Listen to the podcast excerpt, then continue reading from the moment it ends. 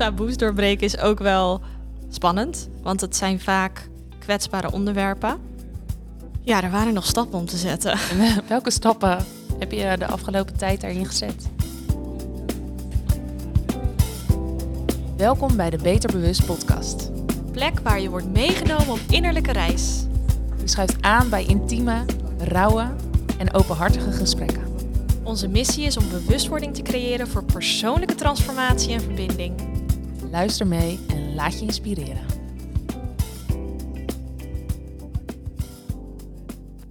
Als ik aan jou denk, Elodie, dan zie ik een vrouw die taboes aan het doorbreken is. En als ik naar afgelopen decembermaand kijk, dan was dat wel een van je hoogtepunten. En ik wil je graag vragen om daar wat meer over te vertellen. Daar wil ik zeker wat meer over vertellen. En ik vind ehm, taboes, ta- taboes, taboes doorbreken. taboes doorbreken is ook wel spannend, want het zijn vaak kwetsbare onderwerpen. En een van de kwetsbare onderwerpen die ik in december ja, eh, heb gedeeld, is dat ik een post heb gedeeld waarin ik heb aangegeven dat ik al nou, nu inmiddels 16 maanden met mijn partner probeer zwanger te worden. En dat dat nog niet is gebeurd. En dat dat heel veel, ja, op heel veel niveaus wat doet met mij en met mijn partner en in mijn lichaam en mijn gedachten. En kun je ons meenemen helemaal naar, de, naar die start van de 16 maanden? Want dan besluit je rond je 29ste, 30ste was je toen. Na je trouwen eigenlijk. Na mijn trouw inderdaad, eh zei mijn man in de auto, ik weet nog precies waar, we zaten in de auto, we hadden net bij mijn oma even een bakje koffie gedronken en we zaten in de auto en hij zegt, nou schat, als we dan getrouwd zijn, het was ongeveer een maandje voor ons trouwen, Mhm. dan ehm, kunnen we beginnen aan baby's. En ik dacht op dat moment, baby's? Baby's? Wat zeg je nou? Ik kreeg echt een hartverzakking. Ik, was, be- ik, ik, ik schrok er eigenlijk wel een beetje van.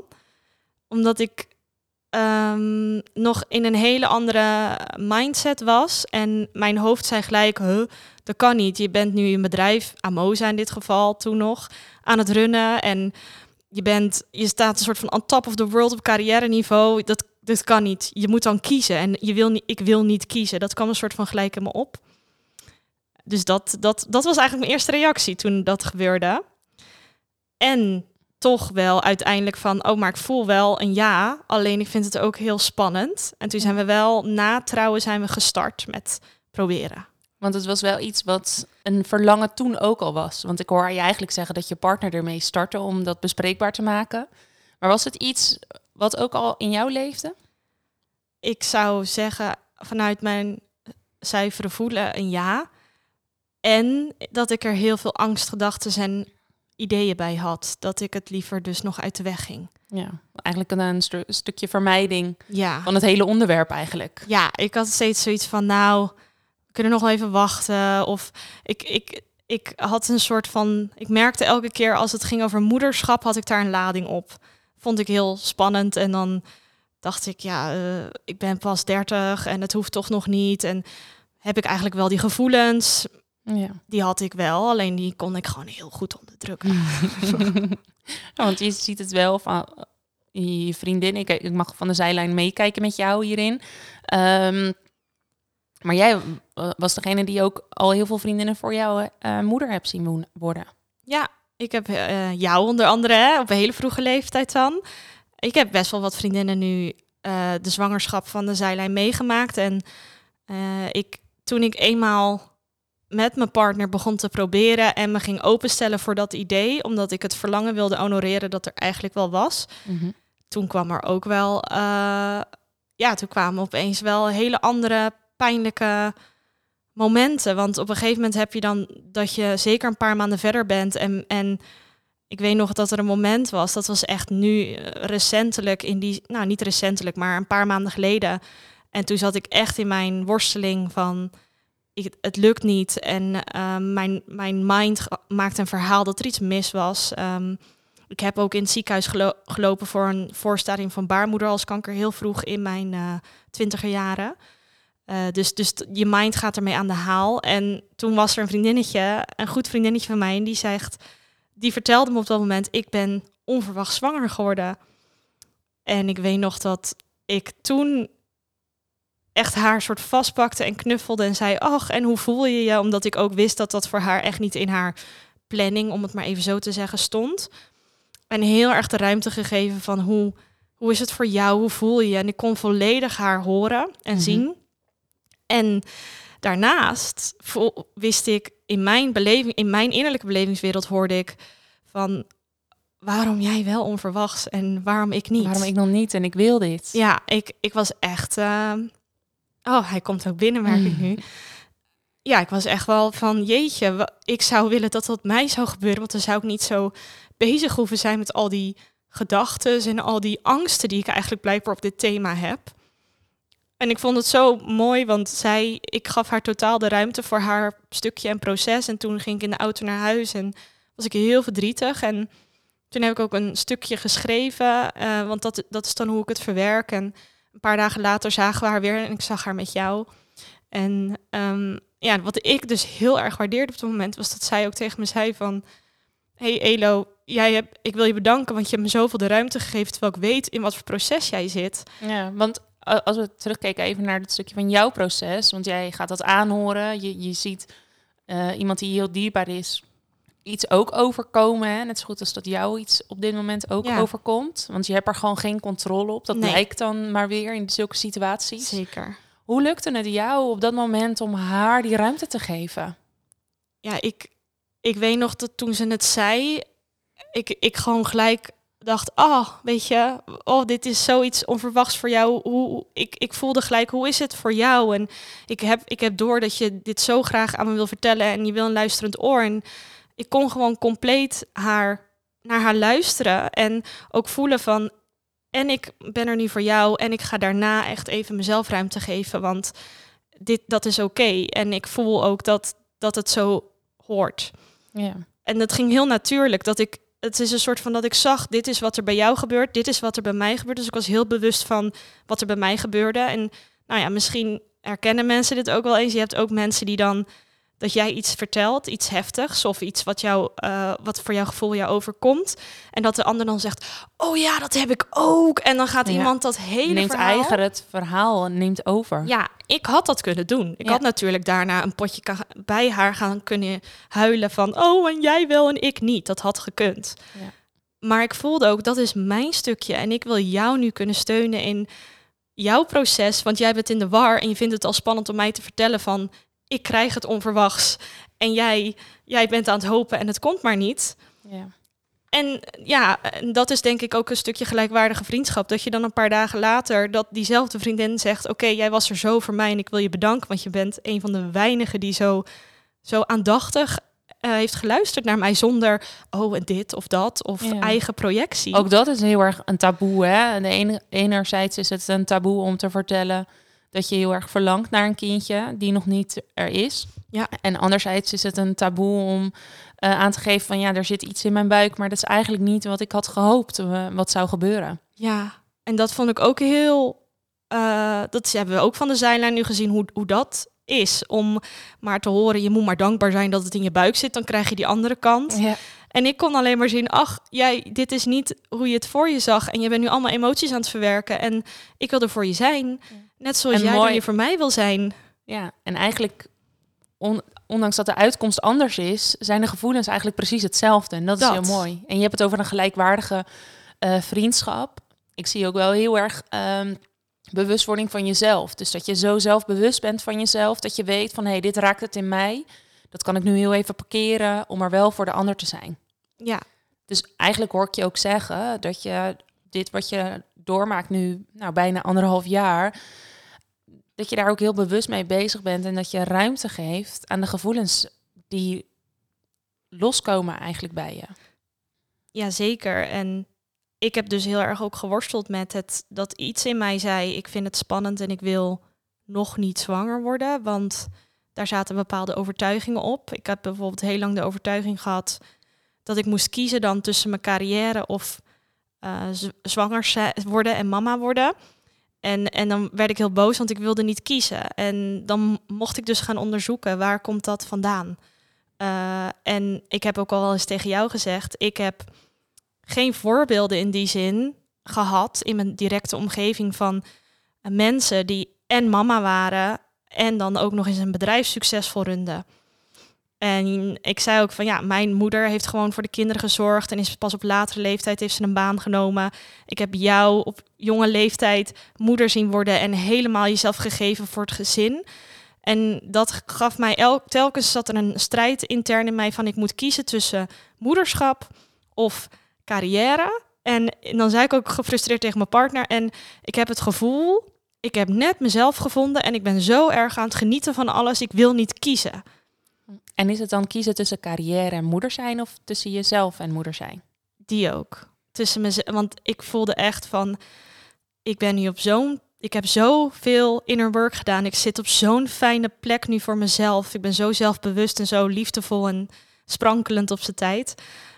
Ik wil niet dat dat verandert. Ik, uh, ik wilde echt een beetje, ja, nou dat kennen we allemaal als mensen, dat, dat je even op een happy place bent en dat wil je vasthouden, lekker krampachtig. Ja. Wil je niet vandaan? Ik zit hier goed. Ik zit hier goed. Terwijl dat klopte dus, dat was echt een, een, een nep verhaal, want ik voelde ondertussen de hele tijd dat ik heel graag wel wilde. En ik, ik ben in, qua intuïtieve gebeurtenissen had ik al voordat mijn partner kwam met uh, zullen we dan nu samen een gezinnetje proberen te beginnen, had ik al een droom gehad. Ja, ik laat het maar een droom noemen. Een droom waarin ik opeens het zieltje, die dus blijkbaar voor ons uh, ja, ergens al zegt van ik kom, dat hij zei van ik kom en ik ben er al. Ik ben er al op energetisch niveau en ik ben aan het wachten tot jullie de juiste, of jij in dit geval, het sprak naar mij, het juiste stappen zetten dat ik uh, kan komen. Dus er waren juiste stappen om te zetten. Ja, er waren nog stappen om te zetten. welke stappen heb je de afgelopen tijd daarin gezet? Uh, in uh, vorig jaar februari heb ik een van mijn spiritual teachers gebeld. En toen was ik echt even ik voelde me heel slecht en ik dacht, waarom lukt het niet? En ik was heel gefrustreerd. We waren toen inmiddels nou, september, oktober, november, december, ja, zes maanden verder. En ik voelde me heel verloren en ik was heel erg op zoek.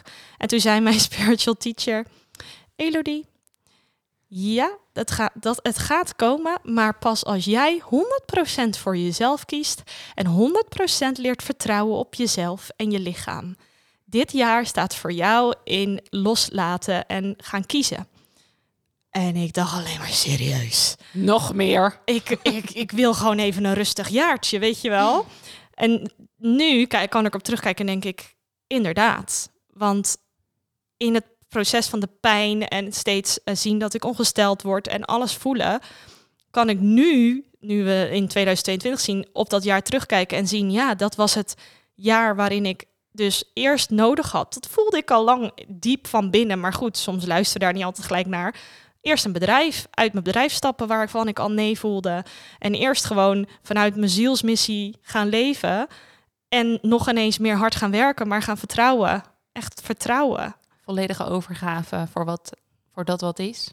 Ja, en niet dus dat idee van uh, als ik nu dit doe, uh, want ik, ik, ik, als ik dit doe, ik kan alles een succes maken. Kijk, als ik ergens mijn energie in steek, dan wordt het een succes. Dus als ik nu mijn energie in dit uh, idee steek, dan, dan gaat het gebeuren. Dan moet het komen. Dan moet het komen. En dat was extra confronterend met dit onderwerp. Uh, waarbij je heel erg ging ervaren dat je de controle volledig moest loslaten. Ja. En daar dus helemaal niks over te zeggen hebt wanneer iets komt of ja, niet komt eigenlijk. Of dat je hoort, het gaat komen, maar je hebt nog werk te doen. Dat was ook een trigger voor mij. Dan dacht ik, nog werk te doen. Dan zat ik op een gegeven moment huilend met mijn partner. Ik heb al zoveel aangekeken in mezelf. En ik weet al zoveel over systemische, het systemische. En wanneer is het nou klaar? En als je ons dan meeneemt in de dingen die je dan vervolgens hebt gedaan. Want je ben je bij de spiritual teacher geweest, benoem je net. Dat was dus het begin van vorig jaar, ja. En vervolgens heb je nog een aantal dingen. Want je moest dingen gaan aankijken. Hoe, hoe ben jij dat aangegaan? Ik ben. Uh, mijn spiritual teacher zei dus en dat stukje vertrouwen. En ze zei: Je hebt nog wat te helen op je moederlijn. En als we dan even vanuit het familiesysteem kijken, heb je je vaderlijn en je moederlijn. Je bent 50% je vader en 50% je moeder. En ik, mijn, mijn moeder en ik eh, hebben dus, ik heb haar DNA, net zoals van mijn vader, en dat gaat tot zeven generaties terug. En soms zit er iets in die lijn uh, wat jij energetisch mag helen. En ik heb al heel veel van die stukjes aangekeken. Ik heb een familieopstelling gedaan. Ik heb heel veel mogen ervaren en voelen van um, de thema's die spelen op de moederlijn. En blijkbaar was daar nog steeds iets in te doen voor mij, dat, dat ik dan echt het kindje mag gaan leren ontvangen. Want de moederlijn staat voor yin, energie ook, het ontvangen, het de liefdevol loslaten en vertrouwen. En yang is echt die daadkracht, die actie, die gaan. En ik, ik ben heel erg uh, vertrouwd in mijn yang-energie. En helemaal niet zo vertrouwd in mijn yin. Wel bepaalde aspecten, maar dit stukje overgave, loslaten. En ben ik dan de grootste angstvraag die het hele jaar bij mij gespeeld is: wie uh, kan ik wel een goede moeder zijn? En ik heb daar dus ja, een stukje over geschreven. En dan eigenlijk neem ik iemand, jullie dan heel erg kwetsbaar mee in mijn belevingswereld. Ik denk dat deze woorden eigenlijk dekken waar ik op dat moment uh, mee bezig was. Dus dat zal ik nu eventjes voordragen. Ik wil het wel, ik wil het niet. Beide doen me verdriet. De een een angst voor het onbekende, met een verlangen naar vertrouwen. De ander een angst voor een gemis en het vertrouwen van het bekende. Ik wil het wel, ik wil het niet. Het wisselt van tijd tot tijd. Gaan we ervoor of krijg ik spijt? Durf ik er volledig voor te gaan of blijf ik stilstaan? Tussen wel en niet, angst en verdriet, oude verhalen en pijn. Geef ik de trauma door van mijn lijn? Ik wil zo graag een goede mama zijn. Dat wil ik niet en kan ik niet bepalen. Het ultieme gevoel van falen zit vast in mijn hoofd wanneer je een kind een wereld belooft die je niet kan geven. Enkel hopen op een gezond leven. Geliefd, vol geluk en vrij. Dat wil ik wel. Een kindje zo blij. Van jou en van mij. Voel dan kriebels in mijn buik en warmte in mijn hart.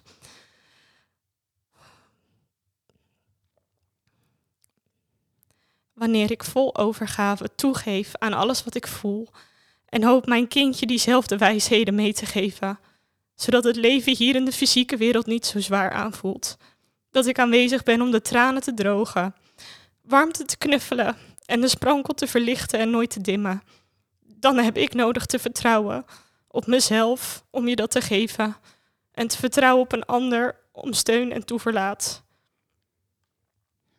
Punt. Zo.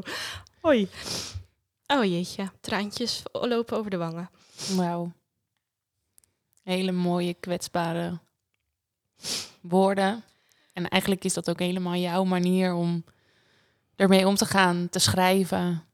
Ja, dat, dit, dit is mijn verwerkingsmanier. Als ik even vastloop in mijn hoofd, dan ga ik schrijven en dan voel ik op een gegeven moment mijn yin-kant komen. En dan ga ik naar mijn kern van gemis, verlangens, de strijd in mijn hoofd een soort van opschrijven en dan kijken van, maar wat zit er nou echt onder? En dan voelen, ja, ik wil heel graag mama worden en ik, ik weet niet zo goed wat dat inhoudt en dat vind ik spannend. En ik wil het heel graag, maar ik wil ook niet benoemen dat ik het heel graag wil, want dan wordt de teleurstelling heel groot. En toch doe je het. Ja. Super, super dapper. En ik zei al aan het begin, je gaat gewoon keihard hier taboes doorbreken. Om het wel uh, te vertellen. En ook, hè, voor mij is het soort van de lading voelt dubbel, omdat ik het. Ik heb ook schaamte gevoeld op dat ik ergens ook voelde, ik wil het nog niet. Dat ik het spannend vond. En dat ik ook een soort van op een gegeven moment dacht, nou ja, ik heb in de beginfase, toen we er net aan begonnen, toen werd ik dan ongesteld en dan voelde ik pijn en ik voelde opluchting. En dat was zo verwarrend. Maar dat was omdat ik nog in strijd was met het stukje overgave en keuzes maken voor mezelf en beseffen van hé, hey, je wil nu andere stappen gaan zetten in je leven. Het, het omvatten, alles moest eerst samenkomen tot het proces waar ik nu in zit. Alles is een levensles en dit is mijn levensles. Leren loslaten en vertrouwen op mezelf, mijn intuïtie. En jij vroeg me net ook van, wat heb je dan gedaan? Ja. Ik heb ook vlak daarna heb ik een um, truffelsessie in mijn eentje voor het eerst gedaan. En mijn man die, die dan op mij lette. Truffels zijn um, nou ja, zijn uh, van de natuur. En als je daar een bepaalde hoeveelheid van neemt, dan ga je op reis, psychedelische reis. En ik ging heel bewust op reis met dat ik een stukje van de moederlijn wilde helen. En wat daar, ja, wat daar in die reis naar voren kwam, was. Ik kreeg eigenlijk alleen maar te horen: je bent zo goed op weg en dit hele jaar, het gaat goed komen. En toen zag ik het zieltje, het zieltje dat dus al in de rij staat om te wachten tot ik haar, wil, haar of hem wil ontvangen in mijn buik. En toen zei dat zieltje, nadat ik zo hard aan het strijden was van, ja, het is nu tijd, ik wil, ik wil een gezinnetje met mijn partner. Toen zei dat zieltje op die reis van, mama, laat me nou op mijn eigen tijd komen. Nou, ik ging door de grond. Ik heb zo hard zitten huilen toen. En toen dacht ik, jeetje, dit is het dus. Het is het stukje controle willen pakken, ego-werk. Ehm, dit een soort bijna een soort prestatie van ik wil dit, dus dan krijg ik dit. En als ik er zo hard voor werk, dan gaat het gebeuren. Dat is de mannelijke kant die ik ken. Maar op dit stuk werkt dat niet. Nee, want als we het dan hebben over jouw mannelijke kant, kun je ons meenemen in hoe, hoe dat er dan voor jou uitziet? Om daar een soort van wel grip op uit te oefenen. Want dat, eh, je vertelt dat je dat hebt ja, ik ben heel erg dat kan ik heel makkelijk. Eh, mijn mannelijke kant, dat is mijn daadkrachtkant, dat is mijn sprankelkant, dat is mijn hoge energie. Als ik iets in mijn hoofd heb en als dan, dan, ik heb tot nu toe altijd gehad dat ik al mijn energie, als ik al mijn energie ergens in stop, dan lukt het. Dus dan kan ik, dan kan ik gaan en, en ik, ja, ik hou van die energie. En als je te veel in die kant blijft zitten, dan, nou ja, dan heb je mensen die burn-out krijgen of heel veel paniek of stress, omdat je in de overdrive gaat en dus geen gehoor meer geeft aan je lichaam. Ja. En wat was voor jou dan ehm, op dat vlak waar je controle op wil uitoefenen? Want was het dan dat je een bepaald uh, ritueel uh, neerzette? Of was het dat je een, uh, op een app ging kijken? Wat, wat, wat, was wat je deed? Ik ging zeker die eerste maanden, dacht ik... Ik weet nog, de eerste maand zei ik toen het niet was gelukt, ah joh, dat kan hè, dat kan. Weet je, het, het werd een soort, dan moet ik een soort nu op terugkijken en lachen. denk ik, ik er een soort wedstrijdje in mijn hoofd van. Terwijl, wat gek eigenlijk. Nou, tweede maand, uh, de Enflow app. Uh, uh, het stripjes, van die ovulatiestripjes. En op de juiste tijden natuurlijk vrijen met je partner. En op een gegeven moment was het die derde maand. En toen had ik al een soort van van mental breakdown van het lukt niet. En, en als je zeg maar in je thema's hebt van perfectionisme, faalangst, dat soort dingen en iets lukt niet, ja, dan, eh, dan ga je wel last van krijgen, zeg maar. ga je nog harder werken. Ja, dus ik ging heel erg soort neurotisch. Al die stripjes, op een gegeven moment rond de derde week van mijn, van mijn app, elke dag kijken. Ik werd helemaal gek van die app. En dan zei ik ook tegen jou, ik word gek. Ik moet gewoon niet meer kijken. Maar het was alsof, alsof mijn telefoon aan me was gekluisterd. Dan was ik ook veel te afwezig. Dan zat ik elke keer te kijken, zegt mijn Flow-app nu misschien iets nieuws? Nee, tuurlijk niet. Hij zegt nog steeds dat het dag 28 is. En ik word nog steeds dus ongesteld, zoals altijd op dag 28. Hij komt steeds in een riedeltje weer terug. Ja, het was, dat was zo frustrerend. En ik merkte ook van, dit is niet goed. Dus ik ben er ook, nou, volgens mij na drie maanden mee gestopt. En dat was ook allemaal in de periode dat ik het nog niet echt met iemand had gedeeld. Behalve met mijn partner natuurlijk. En toen kwam het punt dat ik dacht, oké, maar ik voel wel zoveel emoties nu op dit onderwerp. En ik ben, ik zoek zo, ik wil zo erg steun. Dat ik met mijn partner ging bespreken, ik wil dit, uh, ik wil dit wel delen met, nou ja, vooral jou hmm. wilde ik dit heel graag mee delen. En dan, dan moest ik nog met hem overeenkomen, want hij had wel heel erg het gevoel op dat moment van, maar dit is iets tussen ons. En ik legde hem ook uit, ja, en je bent er voor me. En ik voel heel erg dat ik een vrouw nodig heb die eventjes, dat ik gewoon, als ik ongesteld ben geworden met dat hij met chocola en wijn komt. Ja, maar ik kan toch ook chocola en wijn? Ja, schat, dat kan jij ook. Maar die vrouwelijke energie heb ik nodig. Ik voelde zo erg ook dat verlangen van die geborgenheid van de vrouwenlijn en de vrouwelijke energie. En er lag een uitnodiging voor mij om dat ook te zoeken bij de plek waar dat eigenlijk het allermooiste hoort. En dat was bij? Bij mijn eigen mama. En dat vond ik nog niet zo eenvoudig blijkbaar. Daar heb ik ook heel erg mee geworsteld om, om aan mijn mama te vragen... mam, ik wil, ik wil even geborgenheid, ik, wil, ik, ik ben verdrietig, kun je me vasthouden? Dat, dat innerlijke kindje in mij, die vond dat heel spannend. Dus daar zat ik ook in van, oh, oh ik, ik wil nu eigenlijk mijn mama bellen, maar kan dat wel? En ik wil ook niet, nou, heel gesprek in mijn hoofd. En uiteindelijk heb je het wel gedaan. Oh. Ben er naartoe gegaan. En wat heeft het je gebracht om het te delen? Uh, met mijn moeder? Oh, ja, dat ik herinner me nog de eerste keer dat ik het deelde, was al na drie maanden. Dus mijn man zat echt, jeetje, hoe snel wil je zoiets delen? We zijn net begonnen. Alleen het lag dus voor mij nog ineens over delen, maar op een diepere laag van heling. Ben ik, ehm, om, te, om even vanuit het eh, spirituele te, te beschrijven, ik zat buiten op de... Ik had net chocola gehaald. Het, eh, het was rond december, Sinterklaas, als ik me goed herinner. En ik eh, zat buiten en ik had net chocola gehad en ik was net ongesteld geworden. En ik begin zo hard te huilen, maar ik voelde een verdriet. Dat was niet van het hier en nu. Het was zo'n rauwe, intense, diepe verdriet. En ik bleef maar huilen, huilen, huilen. En ik, hoor, ik zet een liedje op. En opeens, ik doe mijn ogen dicht. En opeens zie ik naast me op een bankje, ik zit gewoon alleen. Maar in, in een visualisatie zie ik een hele oude, wijze, lieve vrouw naast me. En die legt haar hand op mijn been. En die zegt tegen mijn kind, ga naar je moeder. En echt, ik kreeg helemaal kippenvel over mijn hele lijf. En toen ben ik naar boven gelopen naar mijn man. Nou, mijn man kent mij gelukkig door en door. Dus ik kom daar betraand en ik zeg, we moeten nu naar mijn ouders. En hij kijkt me aan. Oké, dan gaan we naar je ouders. We pakken de auto en daar gaan we. Die heeft gewoon dan zoiets van, oké, ik vertrouw jou. Als dit aan de hand is, ik weet hoe intuïtief jij bent, dan doen we dat. Toen hebben we in de auto heb ik mijn ouders gebeld van, we komen eraan. Oh ja, is goed. Ik alleen maar blijven huilen, huilen, huilen. Het, het bleef maar stromen. Ik dacht ook, wat ergens rationeel dacht ik, wat is dit? Dit gaat niet alleen over zwanger willen worden.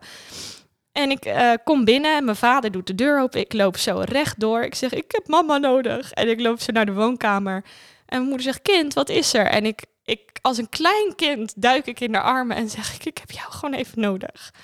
En heb ik gewoon tien minuten zonder wat te zeggen, heb ik in haar armen liggen huilen en voelde ik, oh, dit is er dus ook. Ik heb een stukje van mezelf wat heling nodig heeft. En dat is het stukje wat ik nog aan moet gaan. Ja, prachtig hoe je dat beschrijft en hoe je intuïtief aanvoelt van nee, dit heb ik nu nodig. Hier, ga, ik, hier ga ik gewoon naar luisteren. Dit ga ik doen, want dit is niet alleen in deze situatie nu van belang, maar eigenlijk heeft dit een diepere laag en mag ik daar ook heling op krijgen en mag ik ook die geborgenheid en veiligheid voelen. Ja, echt. Dat was zo fijn. En daarna heb ik, eh, ik heb toevallig laatst, laatst had ik een week dat ik over tijd was. Ik ben altijd eh 28 dagen. Ik was nu 38 dagen. Ik werd helemaal gek. En mijn patroon is dan toch om het een beetje zelf te doen en op te lossen. En ik weet ook, jij hebt ook al een paar keer tegen me gezegd, ik ben er en ik ben er voor je en ik, ik probeer echt je te bereiken. En ik kan mijn muurtje opzetten omdat het gewoon te pijn doet. En toen voelde ik ook op dat moment, oh, ik ben zo erg aan het worstelen en ik wil weer mijn mama. En ik ben zo blij dat ik dan dat intuïtieve stemmetje, dat ik daar gewoon dan wel gelijk gehoor aan geef. En toen is mijn mama weer gekomen en hebben we echt zo fijn, oh, toen hebben we zo fijn weer gepraat. En toen kwam ze twee dagen later met een, met een tekst en Ehm, ik heb nooit zo'n soort brief van mijn moeder gekregen, maar ze zei: Ik heb iets geschreven en ik hoop dat je het goed vindt of mooi vindt. En het was gewoon een gedicht. Zo'n, zo'n, zo'n mooi gedicht. En ik, ik zei alleen maar: Maar nu weet ik ook waar ik dit dichten en dat schrijven vandaan heb. Ik wist niet dat jij dat deed, mama. Dus oh, dat. dat en toen voelde ik weer: Oh, dit, het klikt. Het, Het klikt. dit ja. is wat ik nog heb te doen in de vrouwenlijn, in dit leven, met mijn moeder. En mijn moeder heeft ook haar dingen meegemaakt met, met haar moeder. En die, mijn oma, met haar moeder. En het gaat echt helemaal ver terug. Er is geen schuld voor hoe dingen zijn gelopen in familielijnen. Maar er zit energetisch iets. En je mag elkaar daarin zien. Ja. En jij mag die aankijken. Ja, en ik eh, ben die aangegaan in dit leven, my gosh.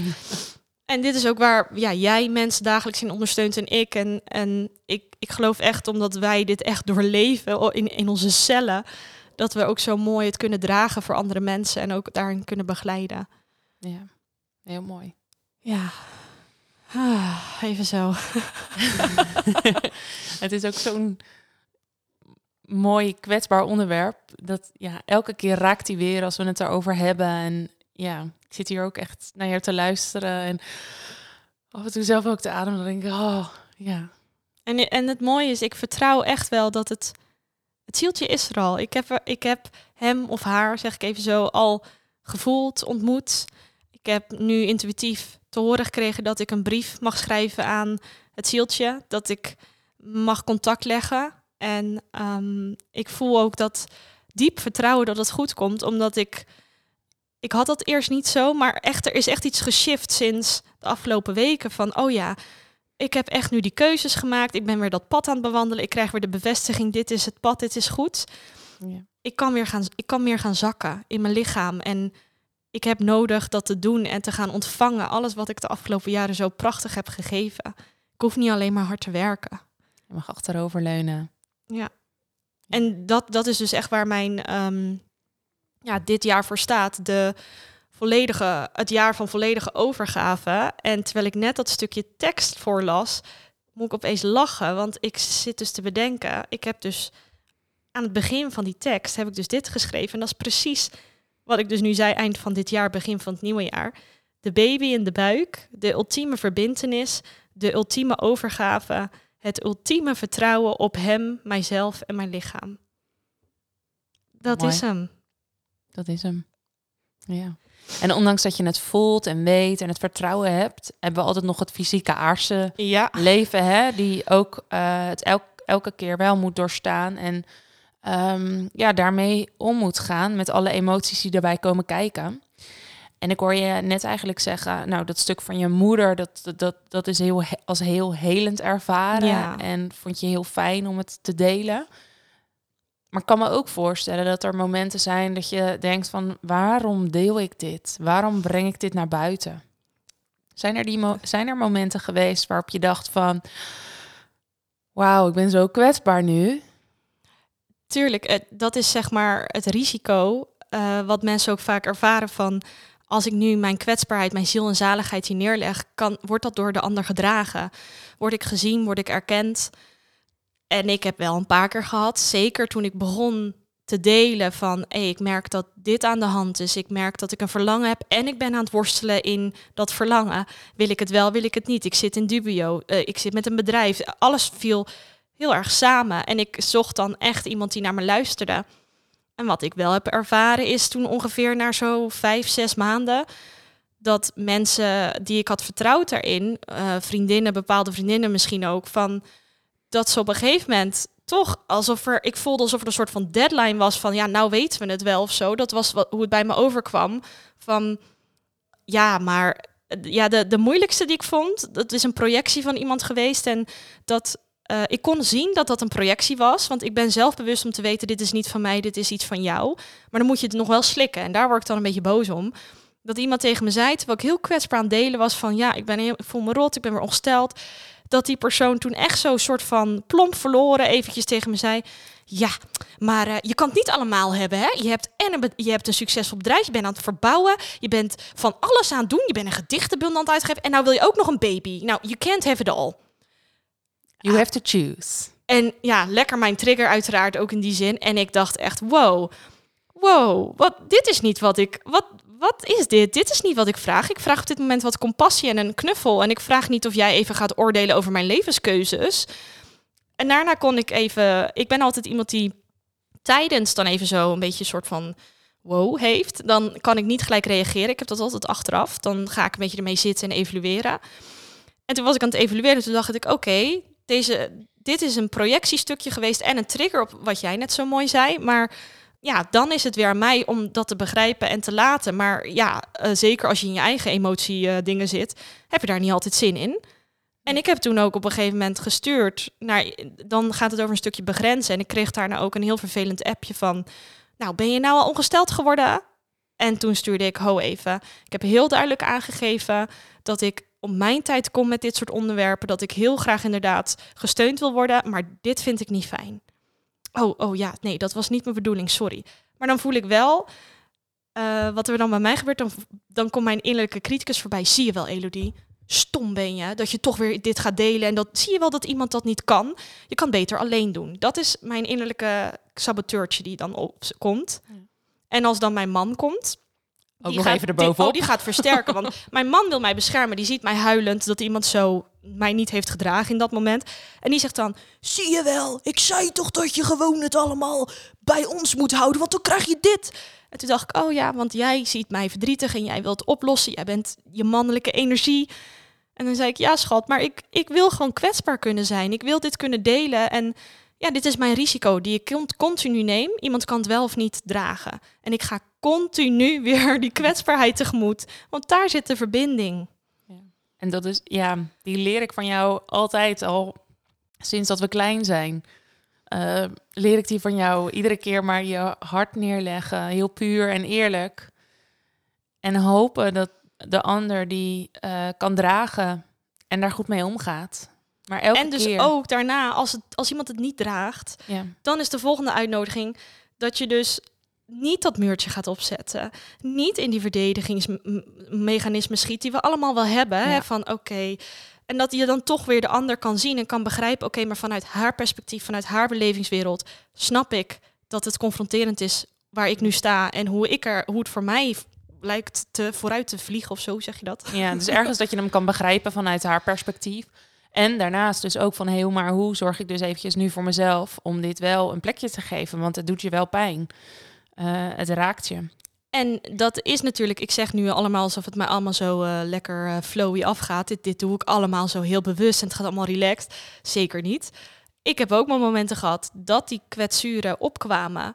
En dat ik zelfs ook de mensen waarvan ik sowieso weet dat die het altijd dragen zoals jij, dat ik dan ook op een gegeven moment niet meer begon te delen. En dat jij dan ook voelde aan mij, oké, ik wil naar vragen, maar ik wil ook niet, want ik zie dat ze aan het worstelen is. En dat je dan op een gegeven moment ook na een tijdje zei, maar Elo, ik ben er, hè. je mag nog steeds die dingen delen. En dan zat ik weer me, ik doe het wel zelf. Ik kan het wel zelf, modus. Ja, het is eigenlijk een soort van golfbeweging waar je doorheen gaat. En ja, dat is helemaal oké. Okay.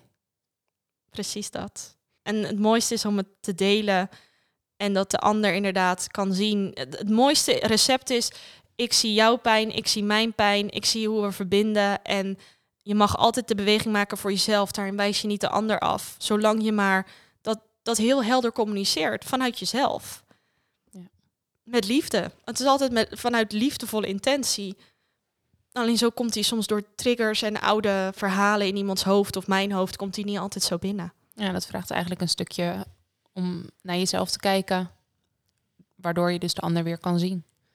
Ja. En ik heb van jou nog toen, in, uh, toen ik 30 werd, heb ik een ontzettend mooie baarmoederhealing sessie gekregen. Oh, die was zo, dat was zo magisch mooi. En dat heeft ook zoveel geopend weer. En dat was, dat was. De, daarna heb ik een soort ritueel ontwikkeld om elke keer aandachtig met mijn baarmoeder bezig te zijn. En met die moederlijn en te schrijven. En elke keer kwam er iets op mijn pad, wat, waardoor ik daar weer op een ander niveau of op een ander detail aandacht aan mocht geven. En soms in de gaan we weer. En daarna in de oh. Dat is het toch mooi allemaal. Wat is het mooi dat dit allemaal. Wat it makes sense. Het is allemaal, allemaal kloppend. Het, het heeft allemaal betekenis gehad achteraf tot waar, waar we dan nu weer staan. Ja, want vorige maand december heb je uiteindelijk besloten van hé, hey, ik ga het niet alleen in mijn inner circle uh, delen, maar ik ga het ook echt naar buiten brengen. Ik ga het echt op Instagram zetten nu, dat er een verlangen is, dat er een droom is. Um, hoe, was dat voor jou? Hoe dat ging, dat is hoe schrijven sowieso bij mij gaat. Ik zat op dat moment, uh, dat was echt letterlijk de avond dat Max Verstappen zijn eindfinale wedstrijd had. En ik was bij mijn ouders, zat ik op de bank. En ik werd bevangen door een soort gevoel en, en ik, er kwamen woorden in me op. En dan, dan raak ik een beetje in mijn eigen bubbel. En ja, zeker als je bij visite bent bij je ouders, is dat natuurlijk niet de meest uh, makkelijke omstandigheid. Maar ik, mijn moeder zei later achteraf, ik merkte het aan je en ik liet je even. Dus ik zat in die bank en ik begon te schrijven. En dat was de tekst die ik in die post heb geschreven. En dat komt dan zo vanuit zuiverheid. Dan kan ik zo erg opeens zonder angst, zonder ego vertellen, dit is het. En ik voel dat vertrouwen en ik weet dat het gaat komen. En ik wil ook dit delen, want dit is wat in mij leeft op dit moment. En het zou, ik doe mezelf zo erg tekort en andere mensen, oh, ik weet zoveel andere mensen die, die dit van heb meegemaakt. Of dat ik van dichtbij dat heb mee, de pijn heb meegemaakt van een miskraam. Of oh, en dan dat moeten dragen als een soort geheim, als een ballast bij je.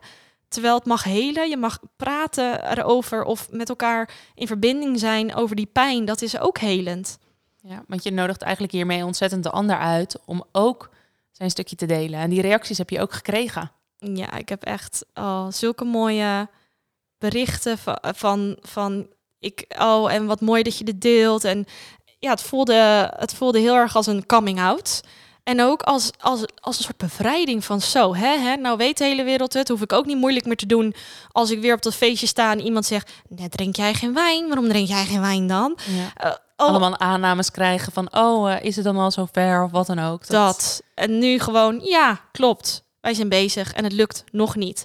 Dat kan je pas zeggen als je er geen schaamte meer op voelt. En nu ben ik zover dat ik er geen schaamte meer op voel. Ik voelde nog wel verdriet, zo nu en dan bij maar ik kan, kan mezelf daarin heel goed dragen. En daarvoor was het nog heel erg alle kanten op. en ik gun iedereen gewoon dat je, dat je alles wat in je leeft, dat je, dat, je dat eert en dat je, dat je dat mag delen. En ik heb daar nu een aantal gedichten over geschreven. En ik voelde ook heel sterk, ik ga die gedichten op mijn website uh, te koop zetten. Dat als jij in die situatie zit of als je iemand kent die in die situatie zit, geef ze iets. Geef dat gedichtje, laat ze maar voelen van... hey, misschien kan je het niet onder woorden brengen, maar ik ben er. Ik ben er wel voor je. En het, ik ja. snap en dat, dat, het het moeilijk zoveel. is. Ja. ja, om even die schouder hebt om op te huilen... Of, of gewoon even die arm om je heen die je soms nodig hebt. Ook op zulke momenten. En, en ja, het is echt van... Zorg goed voor jezelf. En ik kan echt met zoveel joy elke andere vriendin die ik nu zwanger zie worden om me heen. Het eerste wat ik voel is mega veel joy voor hen. En daarna een soort van, verdomme, dat ik, van waarom, ze, eh, dat, dat is ego, hè? waarom zij wel en ik niet. Die mag er wel zijn, die mag in je hoofd zijn, maar er is verschil tussen hem horen en observeren en erop reageren. Want die ander heeft daar dan last van als jij op zo'n manier natuurlijk gaat zitten. En het is ook een soort slachtofferrol als ik dan die persoon zeg, ik ben zwanger, hey, waarom jij en ik niet? Ja. Dan ga je soort in de slachtofferrol van, ja, jij hebt dus dat wel en mij overkomt dat dus niet. Ik ben uh, een soort van slachtoffer van dat dit niet lukt. Nee, dat is het niet. Dat is het niet. Dus dan mag je weer verzachten naar jezelf. En ook gewoon, hè, je mag ook eerlijk zeggen, oh, ik, ik ben echt blij voor je, ook al komt het op dit moment misschien niet zo over, want ik ben ook even met mijn eigen gevoelens bezig. Geef je er ook ruimte aan. Ja. Ja, je bent zo op eigenlijk alle lagen ben je aan het werk op, de, op dit onderwerp eigenlijk alleen al. En een stukje heling. En uh, om, verbinding, om in verbinding te blijven met jezelf. Om in verbinding te blijven met de ander. Maar ook om dit dus eigenlijk gewoon keihard te manifesteren. En uh, de lucht in te gooien van... hé, hey, dit is wat ik wil. En I'm ready. Ga gewoon de hele, hele jaar gewoon nu zingen. I wanna have your babies. Serious like crazy. Gewoon dat. ik heb het ook met jou uh, in december gemanifesteerd. Of in ieder geval, het staat op mijn vision board. Hij staat er helemaal op. En vorig jaar nog heel klein. Echt een, een, een mini stipje was het. Echt nog ineens, uh, nog ineens de helft of, of ja. drie vierde van, of een vierde van mijn uh, vision board was echt een stipje. Ja. En nu heeft hij gewoon de helft van je vision board ingenomen. Zeker. En, en ook daarin kan je dus soms weer zien van, you weren't ready yet. Ik had, het was zo'n klein stipje en dat die hele vision board van vorig jaar ging over uh, loslaten, kiezen voor jezelf, vertrouw op jezelf, je intuïtie, ga beginnen. En dan nu denk ik, ja, oh wauw, dat, dat, dat klopt helemaal met hoe afgelopen jaar is gegaan. En dit jaar, nou staat die, er staat nu less is more, dus minder, minder werken, meer resultaat dat is echt mijn wens. Niet meer 60 uur, niet meer 40 uur. We gaan gewoon met meer effect en minder uren wat bereiken. En daarna dus een heel groot stuk over inderdaad uh, de liefde. En uh, dat, ja, dat, het, dat, ik, dat ik je zie, dat ik het zieltje ga erkennen dat ze er is. Dat hij of zij er is. En dat, uh, ja, dat ze welkom is. En dat ik met plezier naar haar uitkijk. Ja. En een zelfbewuste moeder wens te zijn. Want ik ga het is de grootste, moeilijkste taak van de wereld als je jezelf opdraagt, wat ik dus een tijdje heb gedaan. Om te zeggen, ik ga alle shit uit mijn familielijn helen. En ik ga niks aan mijn kinderen doorgeven, want ik wil dat het hier stopt. Dat is een onmogelijke taak. Ja. En het is ook iets uh, wat je niet hoeft weg te nemen bij het kind, want het komt hier en dan kan het dragen. Dat, ik heb nu ook echt van, oh weet je, ik doe elke dag de work en I got this. Dus mijn kindje got this ook.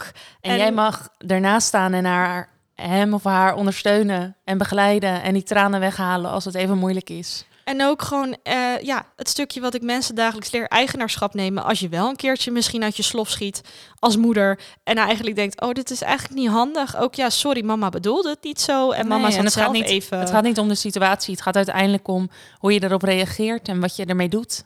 En dat ga je fantastisch doen. En, oh, En anders als- heb ik jou naast me, dus dat scheelt ook. Ik heb, iemand, ik heb een heel mooi voorbeeld. Iemand die, me, die nu al eh, bijna, of nou ja, al acht jaar in de running zit hiermee. Dus die weet, jij weet het wel. Jij bent eh, mijn mooiste voorbeeld. En oh, deze, deze ken jij niet, dus die ga je nu voor het eerst horen nog eh, even. Ik, had, eh, ik was het jaar aan het evalueren. En ik ging eh, opschrijven dingen die wat met me hadden gedaan dit jaar. En er was een, ik heb dus een moment beschreven en dat heb jij helemaal niet geweten. En ik besefte het me pas toen ik begon te schrijven erover. Jij zei op een gegeven moment in november, als ik het even goed zeg, een maand maakt niet uit. Van eh, ja, willen jullie op eh, Nika passen? En ik zei ja, we gaan naar mijn ouders. En jij zo, nou is goed, dan eh spulletjes, als jij dat goed vindt. En ik was echt een beetje, ik weet nog dat ik echt, ik was perplex van oké, we zijn al zoveel jaar vriendinnen, maar je hebt nog nooit aan mij gevraagd dat ik op jouw kinderen pas. En toen zat ik in de auto met Rich. Oh, deze gaat komen. ha. Mm. Toen zat ik in de auto met Rich en Nika zat achter. En ik zat steeds zo te kijken. En ik zeg opeens tegen Rich, ik zeg, weet je wat ik me nu besef? Hij zegt, wat dan? Ik zeg, ik heb altijd aangenomen dat, dat, dat Marje misschien me ook dus niet als fit moeder zag. Want ze heeft me nooit gevraagd op te passen dat ik het dus niet kan. Ik zeg, maar dat is mijn, mijn beleving blijkbaar. Want ze kan ook net zo goed dat hebben bedacht van... maar Elo is lekker vrij en ik wil haar niet met de kinderen tussen haakjes belasten. Belasten, ja. Maar ik zat helemaal in die wereld van... nee, ja, maar je zou niet durven de kinderen bij mij achter te laten... want wat weet ik nou? En dat was compleet mijn eigen trigger. En toen had jij Nika zo achtergelaten bij ons... en ik was helemaal zo van... oh, maar geloof je dan dat ik het wel kan? dat was echt zo'n wauw momentje voor mij van... bizar hoe dat diep dat ingegraven zit dan. Ja, en oh, echt wauw hoe jij met mijn meiden be- bent en wat je voor ze doet en hoe lief je bent. En oh ja, ik kan alleen maar tegen het zieltje zeggen die bij jou in de baarmoeder komt en die bij jullie in het gezin komt, die zo ontzettend, ontzettend veel liefde gaat ontvangen. En je gaat het fantastisch doen. Je gaat een fantastische mama zijn. Ik ben sowieso een kick-ass tante, dat weet ik wel. en straks een kick-ass mama. ja, 100%. dankjewel. En daarmee sluiten we vandaag af. Zeker. Dankjewel. Tot de volgende keer. Tot de volgende keer.